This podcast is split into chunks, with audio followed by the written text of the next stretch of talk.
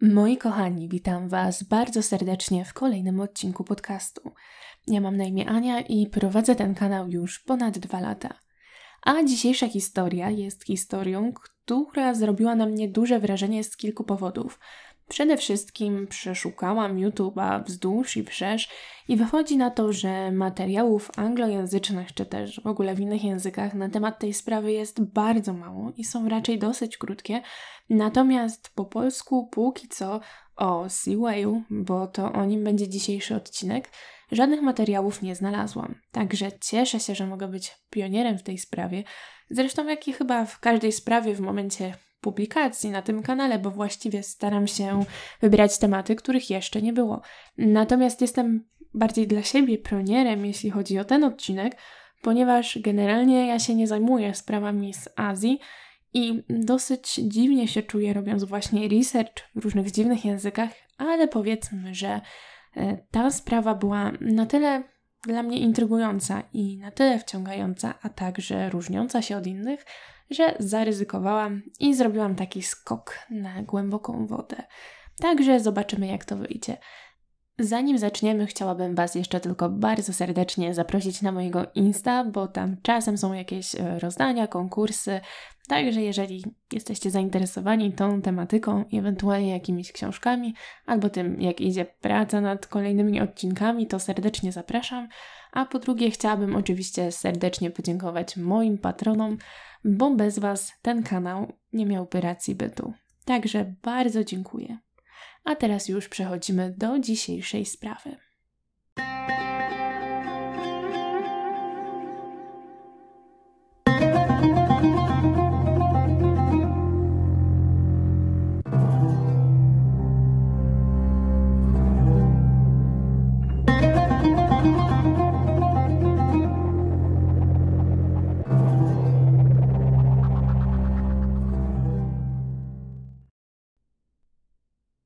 Jak już wspominałam we wstępie do tego odcinka, materiałów wideo na temat tej sprawy jest zaskakująco mało.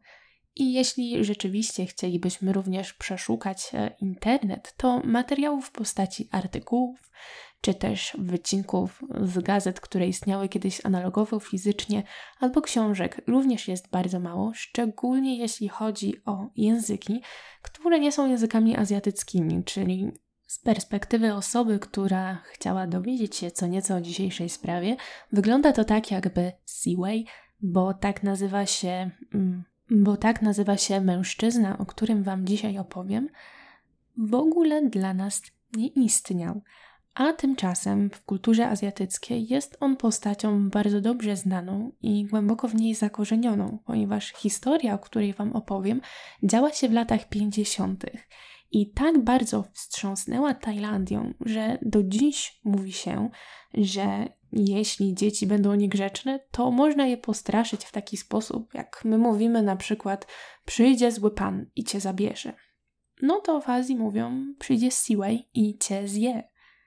Ponadto, jeżeli chodzi o dzisiejszą sprawę, a właściwie sprawę, bo w sumie było ich sześć, to to powiedzenie, którym straszy się dzieci, nie jest jedynym łącznikiem, jeśli chodzi o Seawaya ze współczesnością.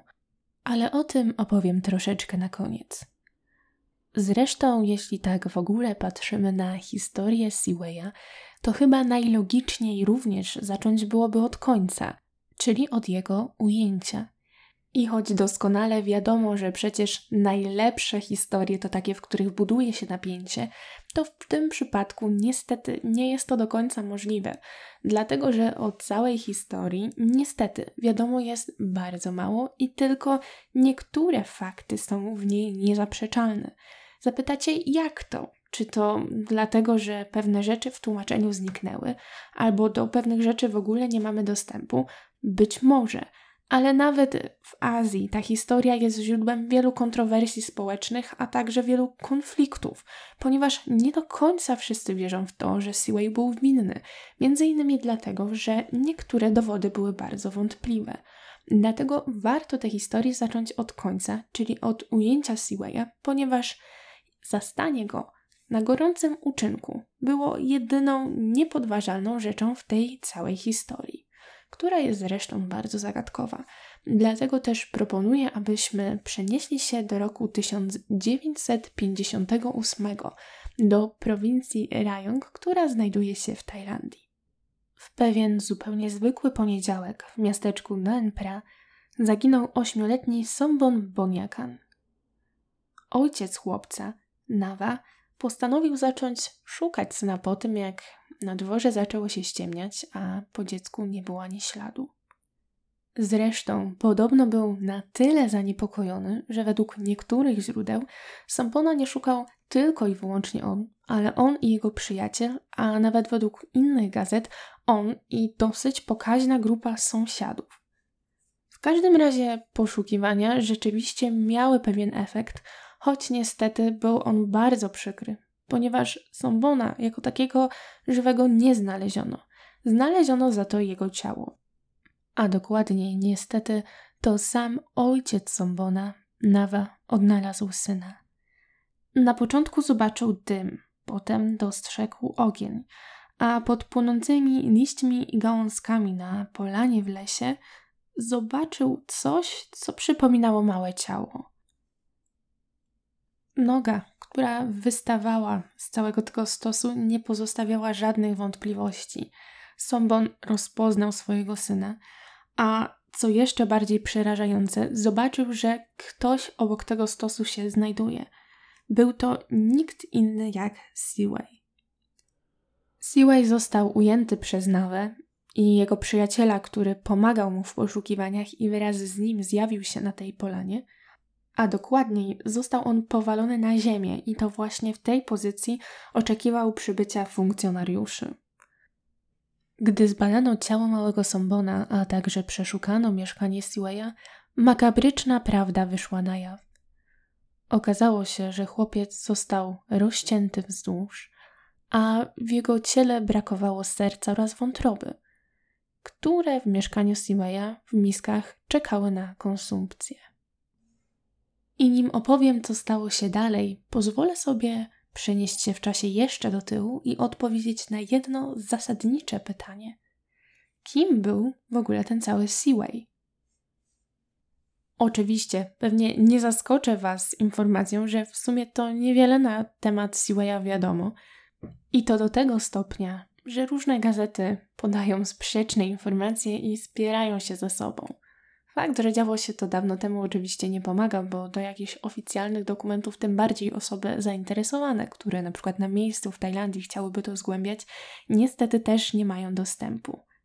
W każdym razie postaram się Wam dostarczyć te informacje, które w internecie można spokojnie znaleźć. Według jednego źródła więc Siwei urodził się pod imieniem, o ile oczywiście dobrze to wymawiam, Ng Lihu, i jedno ze źródeł mówi, że urodził się on w subdystrykcie Hanlai w prowincji Shantu w Chinach i pochodził z rodziny rolniczej. Jego ojciec nazywał się Pan Sung-ho, a matka Baitu. Z kolei inna, tym razem tajska gazeta codzienna, podaje inną zupełnie relację z jego narodzin. Według tej gazety narodził się podobno w wiosce Pueng Tai, w zupełnie innym subdystrykcie, i z kolei według tego źródła dowiadujemy się, że był on najmłodszym z czwórki rodzeństwa. Również według e, właśnie tamtej gazety jego rodzina jest zupełnie innego pochodzenia etnicznego. Ale jako, że na grupach etnicznych w kinach się zupełnie nie znam, nie będę się w to zagłębiać. Najważniejsze jest to, że Siwai nie był Tajem i co za tym idzie, nie wiadomo czy do końca legalnie w Tajlandii pod koniec swojego życia przebywał. Według dużej ilości informacji Wydaje się, że nie. Również nie do końca wiadomo, oprócz tego, gdzie się narodził, kiedy się narodził. Czasami jest to rok 1921, a czasami 1927. Ten rok 1927 wydaje się bardziej wiarygodny, ponieważ częściej występuje w gazetach, szczególnie w prasie anglojęzycznej. Chociaż to akurat powinno być argumentem na minus który powinien sprawiać, że nie weźmiemy tego pod uwagę. No ale cóż, już wzięliśmy, także niech tak pozostanie. Chciałabym Wam opowiedzieć, jak wyglądało dzieciństwo Seawaya, jaki był, ale niestety na ten temat również żadnych informacji nie ma. Jedynym ważnym wydarzeniem, właściwie kluczowym, które jest powtarzane przez wiele gazet, chociaż mi się wydaje, że raczej bardziej służy do budowania pewnej legendy i grozy, jest zdarzenie z roku 1945. Wtedy to Seaway został powołany do walki w siłach Mao Tse-tunga przeciwko cesarstwu Japonii. Jego jednostka najprawdopodobniej znajdowała się na jednej z wysp i ta wyspa była oblężona w pewnym momencie przez Japończyków przez około kilka tygodni. Żołnierze byli tak głodni, że aby zaspokoić to pragnienie, postanowili posunąć się do jedzenia na przykład niejadalnych rzeczy w tej jednostce, w tym na przykład trawy. Podobno w tamtym czasie, zresztą za pozwoleniem swojego dowódcy, który mu to poradził, Seaway zgodził się, aby jeść mięso zmarłych towarzyszy, twierdząc również, że dzięki temu przejmie ich siłę. I według większości gazet tak było. Czy jest to prawda, albo inaczej, czy jest to prawdopodobne, musicie ocenić sami. W roku 1946, a dokładniej 28 grudnia, Syłej powiedział dość i postanowił uciec do Tajlandii. Udało mu się to i wpłynął na statku towarowym Prokyu do portu Klong Toei, który jest znany obecnie po prostu jako port Bangkok. I tutaj znowu są dwie wersje. Według pierwszej Seaway został zatrzymany przez Urząd Imigracyjny na 10 dni, do momentu aż mężczyzna o nazwisku Tinky Seing, jakiś podobno nieznany krewny, zatwierdził go tak, aby on mógł wjechać do tego kraju, poręczył za niego. Inna relacja mówi, że to mężczyzna o nazwisku Haeng zebrał gotówkę i dokumenty, a następnie w ten sposób go wykupił i udało mu się z tego zatrzymania przez urząd wyprowadzić. Ktokolwiek pomógł Siwayowi, pomógł mu tylko wjechać do kraju, ponieważ potem mężczyzna musiał sobie radzić sam. Z początku błąkał się po Bangkoku, wykonywał różne dorywcze prace, nawet zatrzymał się w pewnym bardzo nędznym zresztą hoteliku właśnie dla takich osób, które pracowały dorywczo, dopiero przyjechały.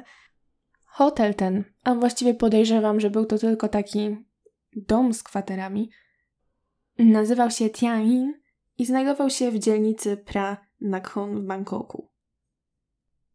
Siwei nie zagrzał długo miejsca w stolicy i postanowił spróbować swojego szczęścia w głębi kraju. Tułał się więc od prowincji do prowincji i szukał różnych małych prac, które mógłby wykonywać. Według źródeł był albo parobkiem, albo ogrodnikiem, choć tak naprawdę wydaje się, że pewnie imał się każdego zajęcia, które mogło przynieść jakikolwiek zysk pozwalający przetrwać. A swojego miejsca szukał praktycznie wszędzie. Na północ od Bangkoku, na wschód od Rayong, ale w końcu wrócił do miejsca, w którym najczęściej znajdował pracę, najczęściej, do którego najczęściej wracał i w którym chyba najlepiej mu się żyło. A znajdowało się ono w Tapsakae. I tak w Tajlandii Siwei przeżył już 8 lat i w tym czasie nie popełnił żadnego poważnego, zakazanego prawnie czynu. Nic.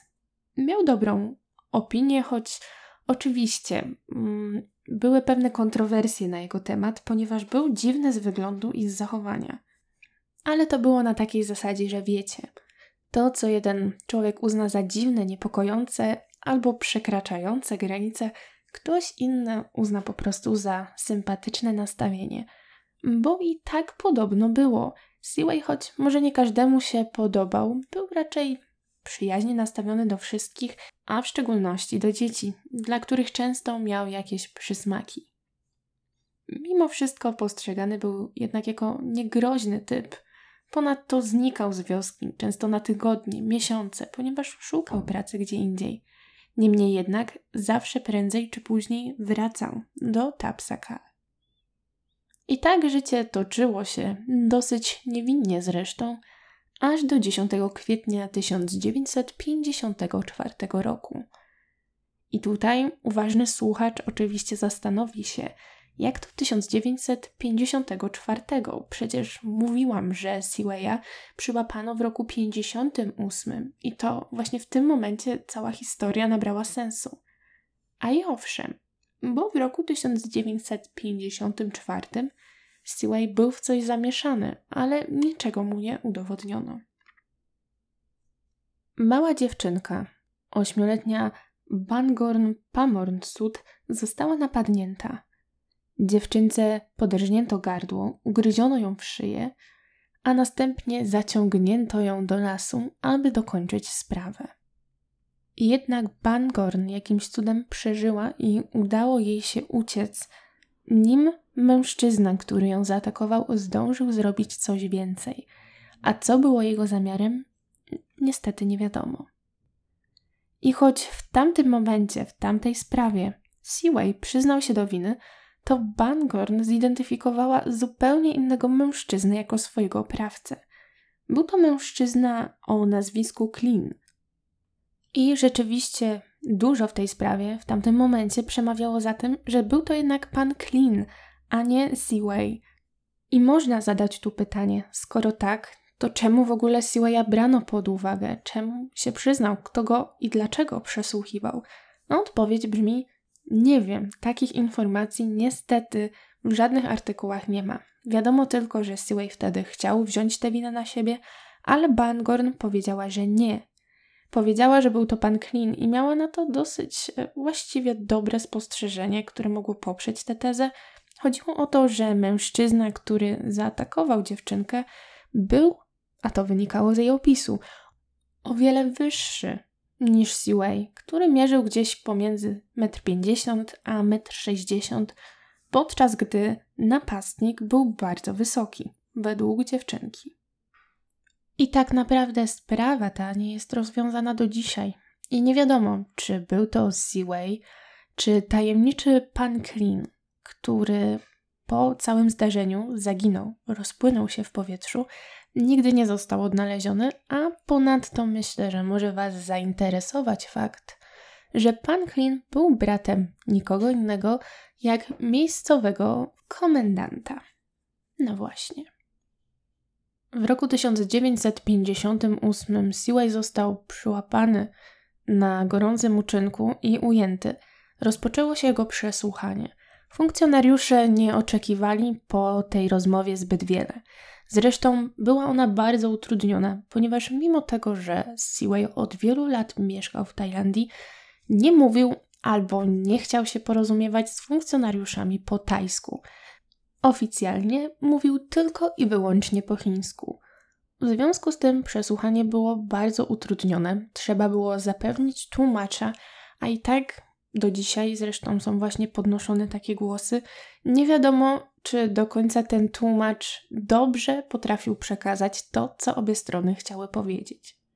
W każdym razie, po całym przesłuchaniu nie oczekiwano wiele, tym bardziej, że Seawaya przyłapano tak naprawdę w takim momencie, że dowody były jednozjadaczne.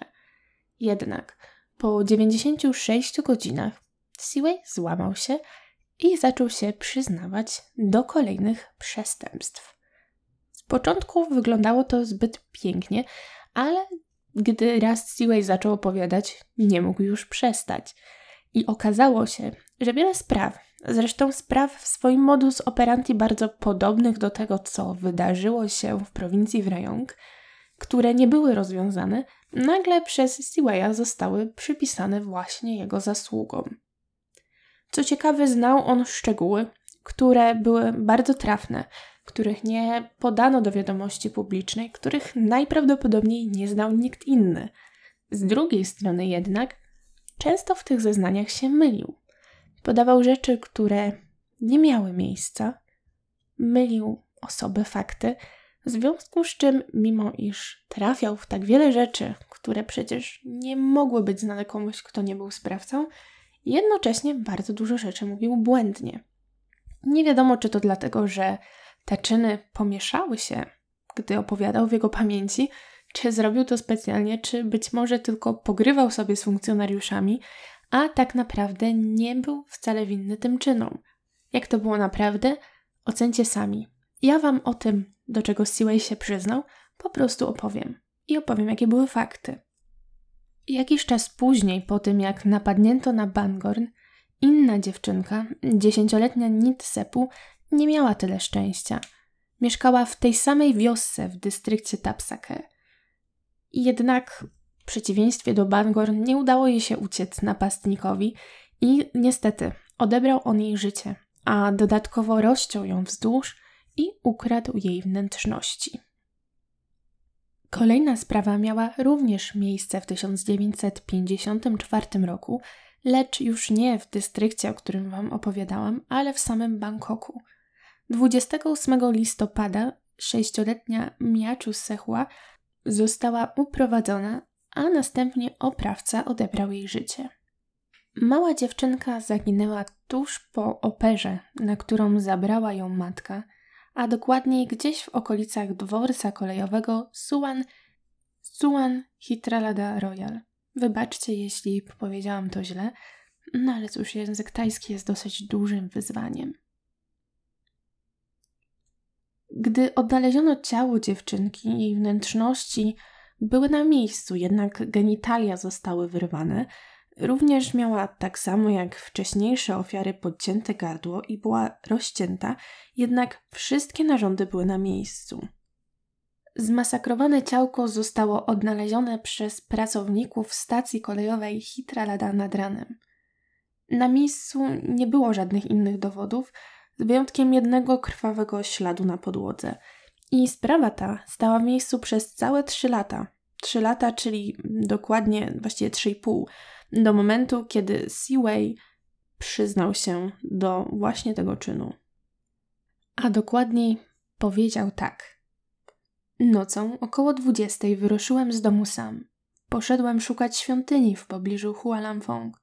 Spotkałem małą dziewczynkę płaczącą w pobliżu opery. Poszedłem ją pocieszyć i zapytałem, czy może pojedzie ze mną do domu.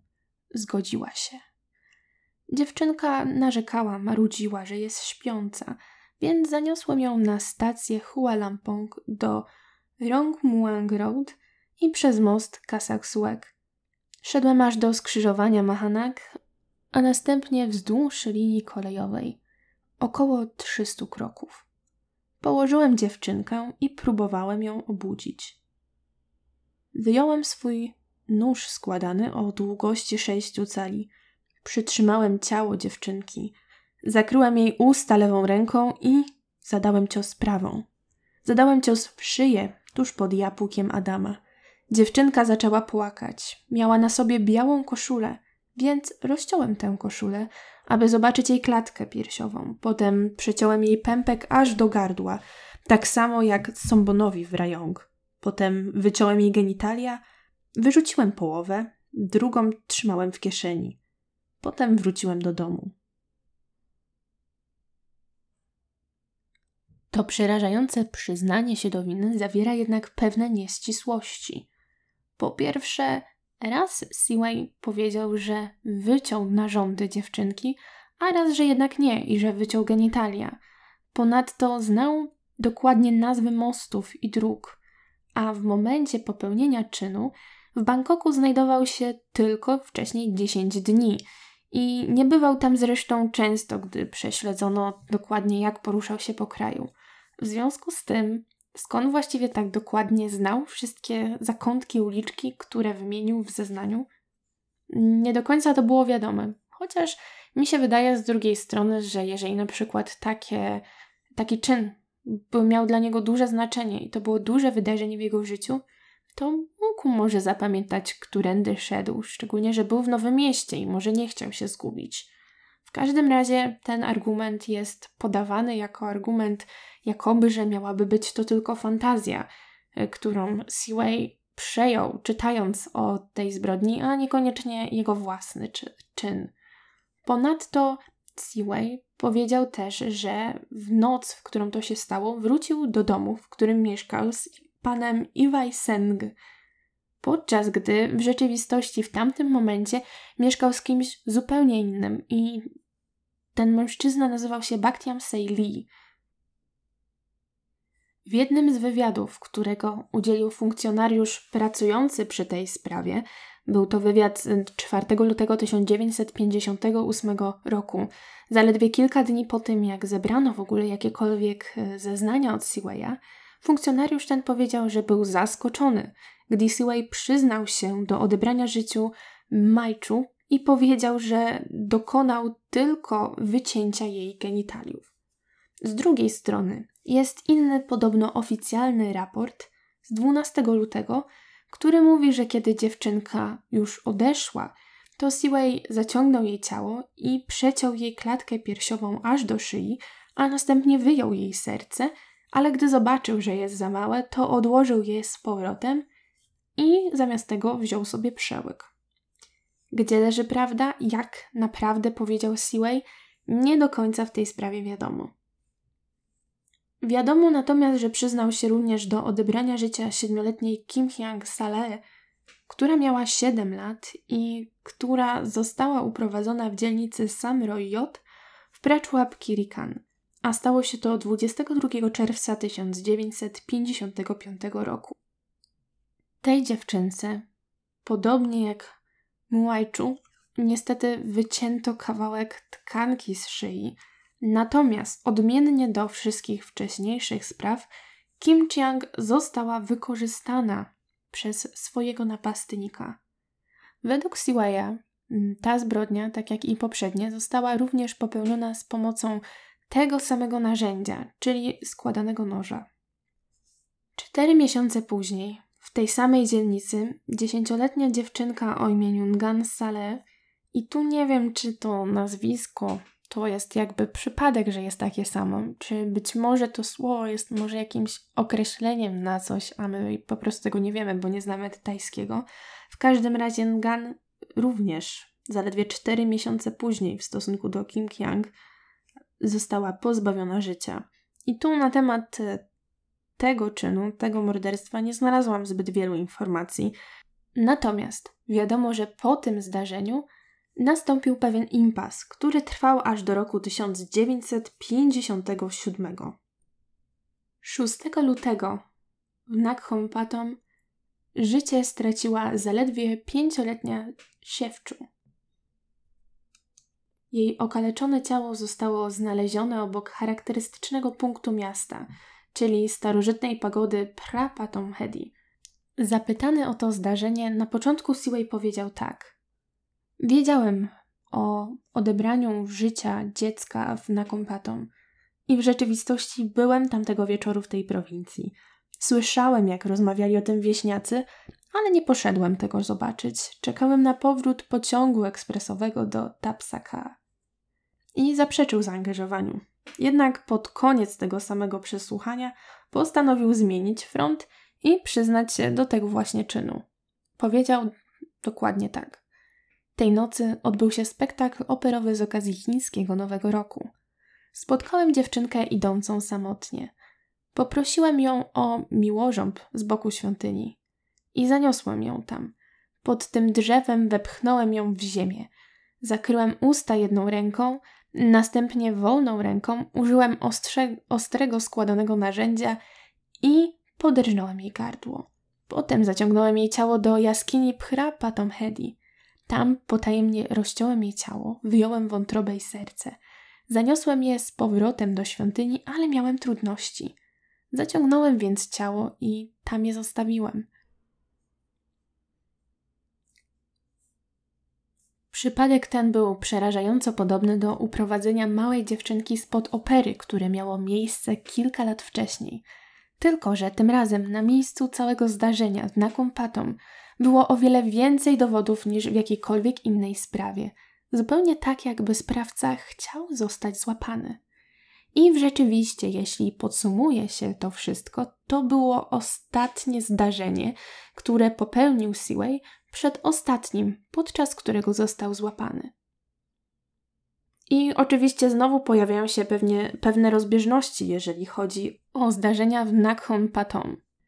Mianowicie Seaway twierdził, że udało mu się rozciąć ciało, wyjąć wnętrzności. Tymczasem w gazecie, która została opublikowana 6 lutego 1957 roku, jest informacja, z której wynika jasno, że ciało miało nietknięte narządy. Wyglądało to tak, jakby sprawca chciał to zrobić, ale nie zdążył, najprawdopodobniej dlatego, że w okolicy świątyni przechodził wtedy nowicjusz, który był nowicjuszem, jeśli chodzi o wstąpienie do zakonu. I sprawca, gdy usłyszał, że ta osoba się zbliża, uciekł w pośpiechu, zanim zdążył to zrobić.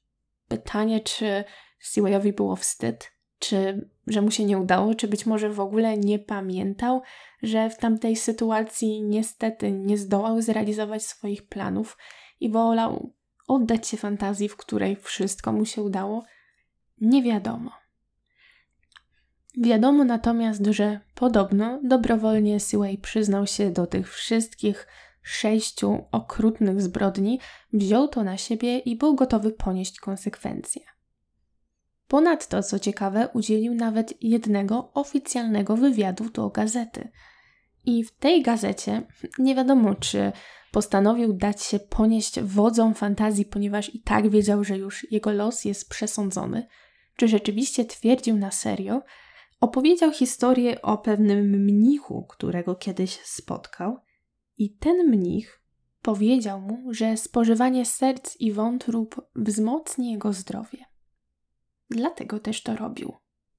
Seaway stanął przed sądem 25 marca 1958 roku i przyznał się do każdego czynu, który mu zarzucano. Pytany nie ukrywał żadnych szczegółów. Zresztą oskarżyciele mieli świadków, na przykład rodzeństwo siewczu, które widziało, jak Seaway wyprowadza ich siostrę z obchodów nowego chińskiego roku. Zresztą proces e, trwał tylko 9 dni, a sam Seaway zemdlał, kiedy tylko usłyszał werdykt. Gdy doszedł do siebie, podobno funkcjonariusz dał mu papierosa, aby ten mógł się zaciągnąć i uspokoić. Oczywiście są pewne kontrowersje i jest duża rzesza ludzi, która uważa, że Seaway został w to wrobiony, albo że przyznał się do winy tylko dlatego, że po prostu groziła mu deportacja, ponieważ w tamtym momencie przebywał w Tajlandii nielegalnie. Być może też obiecano mu, że dostanie dożywocie, a nie, że zostanie wykonany na nim wyrok śmierci. Podobno też w tamtym momencie miał być pierwszym ujętym tajskim seryjniakiem. Czy tak było naprawdę? Tego niestety nie byłam w stanie zweryfikować. Natomiast przypominam Wam, że jedynym niepodważalnym faktem w tej sprawie jest, że Seaway rzeczywiście został przyłapany na gorącym uczynku, jeżeli chodzi o sprawę młodego Sambona w Rajong. A to, że inne czyny, do których właściwie podobno z własnej woli się przyznał, mają podobny modus operandi do tego, myślę, że to nie jest kwestia przypadku, aczkolwiek ocenę zostawiam Wam samym. Nim jej dokonacie, warto abyście wiedzieli jeszcze jedną bardzo istotną rzecz. Każda z ofiar etnicznie była pochodzenia chińskiego, tak jak Seaway. Oczywiście jest kilka, zresztą popieranych przez wielu ludzi, hipotez, które twierdzą, że zupełnie kto inny był sprawcą. Jedna z nich mówi, że był to tajemniczy pan Klin, który zaginął. Jednak wiadomo, że to nie on był sprawcą w Rajong. To nie on odebrał życie Sombonowi. Przez długi czas wierzono, że sprawcą był kto inny, a mianowicie Sawai Pinsil-Pahai, tajski rzeźnik.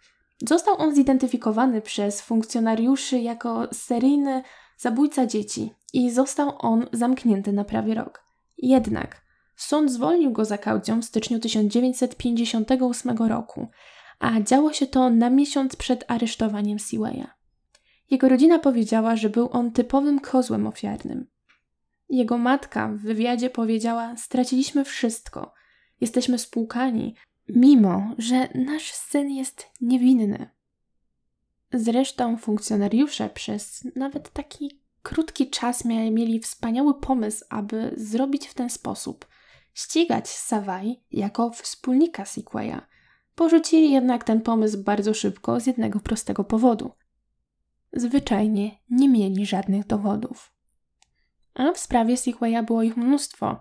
Ponadto sam on twierdził, że pewien mnich czy też chiński pustelnik, którego spotkał z młodości, kazał mu jeść serca i wątroby, twierdząc, że wzmocni to jego zdrowie, że ożywi to jego ciało, Ponadto w tym wywiadzie stwierdzał, że te organy smakują zaskakująco dobrze, a zapytany, czemu celował w dzieci, mówił wprost: ponieważ łatwo je było oszukać, a dorośli ludzie, oni mogą walczyć. Co też jest dosyć niespójne, Sequay zaprzeczył, jakoby kiedykolwiek wykorzystywał swoje ofiary, pomimo że są dowody w co najmniej dwóch sprawach, że niestety poniosło go i dzieci zostały wykorzystane. Wyrok Seawaya, jakim był wyrok śmierci, przez to, że przyznał się, podobno zamieniono na dożywocie. Nie wiem do końca jak to zadziałało, bo jednak został on rozstrzelany 16 września 1959 roku przez pluton egzekucyjny, a funkcjonariusze więzienni zabalsamowali jego zwłoki w smole. Zostało ono oddane do Muzeum Medycyny Sądowej w Sirirai i było ono dostępne dla zwiedzających aż do niedawna, czyli przez ponad 60 lat. I tak jak Wam wcześniej wspominałam, ta sprawa do dzisiaj dzieli społeczeństwo na pół, ponieważ istnieje bardzo wiele osób, które wierzy w niewinność Seawaya. Do tego stopnia, że powstała petycja, która wygenerowała ponad 10 tysięcy podpisów ludzi, którzy uważali, że Seaway był niewinny, a na pewno uważali, że jego ciało nie powinno znajdować się w muzeum, tylko powinno zostać skremowane, a następnie przeniesione do wioski. I tak się rzeczywiście stało. Jego ciało zostało skremowane i pochowane w obrządku w takim, w którym pozostały zapiski, że Seaway się odnajdował. I co ciekawe, mieszkańcy wioski, do której najczęściej wracał w Tapsaka, chcieli, e, aby on tam spoczął, ponieważ wierzyli w niego niewinność. Także nie było żadnych protestów i ciało zostało tam złożone, a podczas kremacji obecni byli jedynie funkcjonariusze więzienni. A sam tweet na temat całej sprawy i na temat tego, że Seaway jest niewinny, który został opublikowany na Twitterze Change Siam, e, został zrepostowany, czy tam zretweetowany, wiecie, bo ja z Twittera nie korzystam, więc nie wiem jak to się mówi, około 80 tysięcy razy. Także jak widzicie, to przekonanie, że Seaway był rzeczywiście niewinny w tej sprawie jest dosyć silne. I to już wszystko na dzisiaj, moi kochani. Serdecznie Wam dziękuję za to, że mogliśmy sobie nawzajem towarzyszyć podczas tej mrożącej w krew w żyłach historii. Jestem bardzo ciekawa Waszego zdania. Jak Wy sądzicie, czy Seaway został wrobiony przez to, że był etnicznie Chińczykiem i e, w tamtym czasie niestety duże represje ze strony władz e, w Tajlandii były kierowane właśnie w stronę tychże imigrantów, czy być może uważacie, że jednak tych przypadków jest za dużo? Jednak zarówno profil ofiar, jak i cały modus operandi jest po prostu zbyt charakterystyczny, aby mogła to zrobić e, inna osoba, a nie Seaway właśnie. Podzielcie się swoim zdaniem w komentarzach. Ja też nieśmiało przypominam, że jak Wam się podoba, to możecie ten kanał subskrybować, jeżeli jeszcze tego nie robicie. No i cóż, trzymajcie się zdrowo, trzymajcie się bezpiecznie i do zobaczenia w kolejnym odcinku. Pa!